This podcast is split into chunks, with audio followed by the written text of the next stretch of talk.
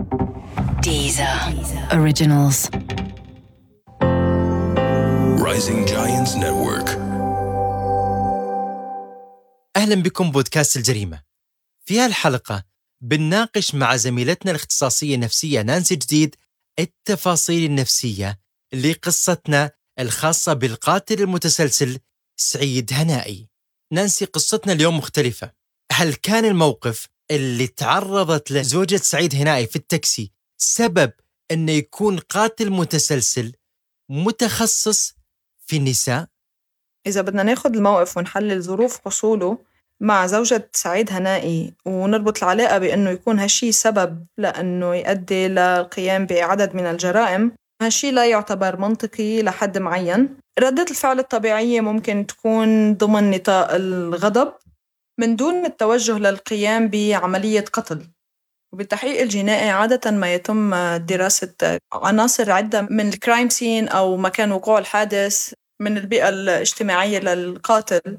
من ملف صادر عن ال FBI Academy حول التحقيق في آه، جرائم القتل المتسلسل يتم دراسة آه، ثمان عناصر. بشكل مختصر أول ما يتم تحليل دافعية القاتل للقيام بالجريمة. بحالة سعيد رجوعا لشو قالوا خلال التحقيقات اللي دفع سعيد إنه يقوم بهذه الجرائم حسب ما قالوا خلال التحقيقات هو محاربة الفساد الأخلاقي اللي بالنسبة له مش مقبولة إنها تنتشر بالمجتمع الغريب في الموضوع نانسي أن حسب رواية القصة في تأييد كامل من عائلة هنائي لهذا الموضوع هل العائلة بأكملها تأثرت من الموقف اللي صار لزوجة هنائي؟ نايف من خلال التأييد الكامل لعائلة هنائي للموضوع ودفاعهم عن إنه سعيد ما بيستاهل العقاب عن إنه غير مجرم وكان عم يقوم بهدف سامي. بدل على إنه العائلة أكثر من إنه تأثرت بالموقف هي بتوافق سعيد على طريقة التعبير على رفض وجود هيدي الفئة من النساء. لرفضهم الكامل لظاهرة التفلت الأخلاقي بنظرهم. نانسي تكلمنا سابقا في عدد من القصص أنه كل قاتل متسلسل عنده طرق في تنفيذ جرائمه. لكن سعيد هنائي ليش لجأ للخنق تحديدا؟ وأتكلم من جانب نفسي بدلا من استخدام مثلا طرق أخرى أو مثلا آلات حادة في القتل. ليش اللجوء لطريقة الخنق؟ إذا بنرجع لمتلازمة شهريار وعنصر اللي حكينا عنه اللي هو ممارسة القوة المطلقة من القاتل على الضحايا. التعبير على أنه هو قادر يتحكم بحياتهم أظن هذا سبب لجوء سعيد للجوء للقتل بهيدي الطريقة عن غيرها زيادة عن هيك منلاحظ إنه القتل بالخنق كان فيه أداة اللي هي الحجاب اللي بتعبر عن الهدف السامي بالنسبة لسعيد اللي هو تخليص المجتمع من هيدي الفئة من النساء. لافت بجرائم سعيد إنه مكان حصول الجرائم آه، ما صار بمطرح واحد آه، إنما الشرطة لقت الجثث آه، بمطارح مختلفة. وطريقة التخلص من الضحايا كانت بطريقة تعبر عن اللامبالاة باتجاههم. ما جرب سعيد إنه يتخلص من الضحايا كأنه مصر على أنه الآخرين لازم يشوفوا الجثث وكأنها طريقة في التعبير عن رأيه ومعتقداته والرسالة اللي عم بيوصلها.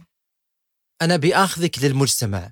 يعني لاحظنا في رواية القصة نانسي أن حتى زملاء سعيد هنائي في العمل أيدوه وربما هالشيء هو اللي شجع أنه يرتكب هالعدد الكبير من الجرائم. من الممكن انه يكون تأييد الزملاء عامل زيادة مشجع لسعيد لأنه يكمل بالشيء اللي عم بيعمله. ومثل ما صار بالعائلة في تأييد كامل للموضوع إذا بنطلع على المجتمع الأكبر كمان انقسم الرأي العام بالنسبة لقضية سعيد لقسمين الفئة الأولى جمعت رأي أنه سعيد هو مجرم ويستحق العقاب على جرائمه. وفي الفئة الثانية خلينا نسميها المؤيدين اللي جمعت العائلة والزملاء بالشغل اللي كانوا عم بيجمعوا له مصاري أي يساعدوه لوجستيا إنه يكمل بالجرائم اللي عم بيعملها. وافقوا على الهدف اللي عم بيقتل كرماله. وأكثر من هيك بعد محاكمة سعيد ظهرت فئة أكبر من المجتمع اللي بتأيد هيدي الفكرة. وكان الجدل مرتكز على القانون والدين بالدولة معتبرين إنه سعيد ما كان عم يقتل أبرياء. جميل ناسي لكن في سؤال مهم. لاحظت في سير القصة أنه لما تم القبض على سعيد هنائي كان يقابل الشرطة بابتسامة. وأيضا لحظة التحقيق ما أبدأ أي معارضة. ولحظة تنفيذ الإعدام حسب الرواية كان مبتسم أيضا. من جانب نفسي ماذا يسمى هذا الشيء نانسي؟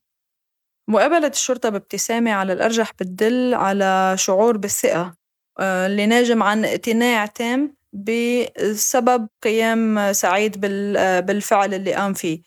كان مقتنع تماما بأنه اللي عم يعمله هو شيء صح. آه، هالشي اجى عليه تأييد العيلة أولا بعدين الزملاء. حتى من بعد محاكمته كان في تأييد لفئة من المجتمع. شكرا لك نانسي شكرا لصديقتنا الاختصاصية النفسية نانسي جديد. تناولنا قصة سعيد هنائي القاتل العنكبوت من جانب نفسي. نشوفكم على خير. إلى اللقاء.